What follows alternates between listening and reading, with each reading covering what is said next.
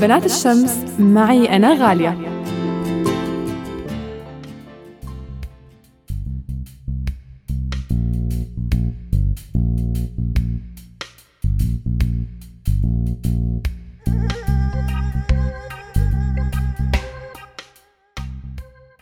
مرحبا فيكم.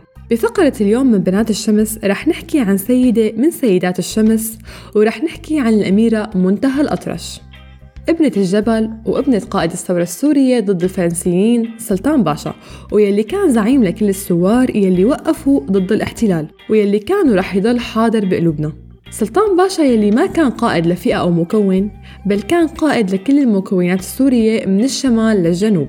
ومن هذا البيت تربت السيدة منتهى الأطرش وتكون وعيها الإنساني والسياسي. من دراسة الإعلام بمصر للشغل بوكالة سارنا للأخبار بسوريا كان عملها بالصحافة. بس دائما ما عرف عنها أنها بتوقف مع الحق. فاشتغلت بمنظمة سواسية وكانت ناطقة باسم هي المنظمة بالإضافة لاشتغالها كناشطة بمجال حقوق الإنسان. إيمانها بالحق وتاريخها خلاها من أوائل النساء يلي وقفوا مع الثورة من أول أيامها وأعلنت عن رأيها بكل صراحة.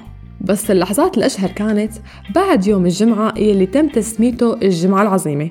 وبعد تعيد الجراء ولما شافت أنه جرائم النظام كل ما لا عم بتزيد ازدياد بلش ظهور الأطرش يصير أكثر فكان لها مشاركات وظهور واضح بالمظاهرات ومجالس العزاء والتجمعات بأعداد من الأمكنة بنذكر منها دوما وبرزة والآبون. ويلي كان مجرد حضورها بهي الفضاءات بيبعث رسالة مهمة للعالم وللسوريين.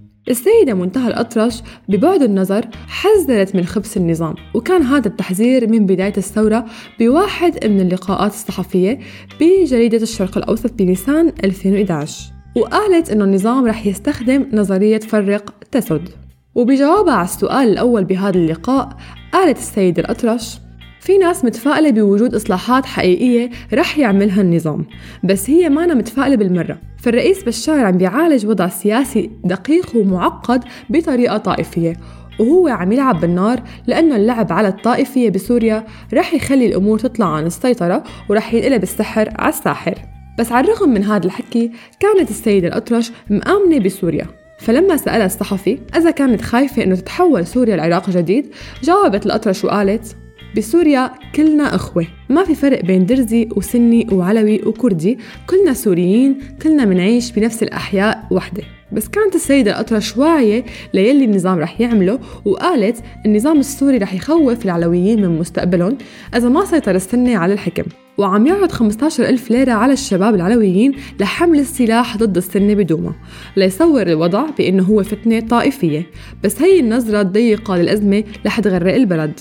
ووصفت طريقة مواجهة بشار الأسد للثورة بأنها طائفية وقالت أنه عم يلعب بالنار لأنه اللعب على الطائفية بسوريا رح يخلي الأمور تخرج عن السيطرة ورح ينقلب السحر على الساحر.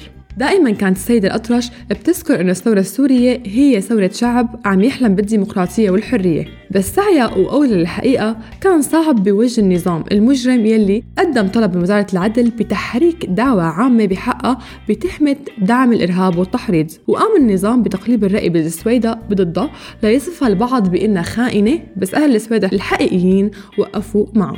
إيمانها بسوريا والإنسان خلى دائما عندها وعي بأصعب اللحظات حتى بالمراحل اللي صار فيها جرائم ضد أهل السويدة. صرحت وقالت أن لغة العقل والحكمة والحوار والانفتاح والمصالحة مع المحيط هي وحدة يلي بتحمي الدروز وبتنقذ سوريا من التطرف الأعمى يلي هو مهلك لأصحابه وللناس يلي عم بتراهن عليه. مشان ضرب وحدة سوريا وهويتها الوطنية والعربية. السيدة أطرش رغم كل الظروف ما رضيت تترك سوريا ولا تحت أي ظرف وما غيرت من مواقفها أو من آرائها. كنت معكم أنا غالية ببنات الشمس. بنات الشمس معي أنا غالية.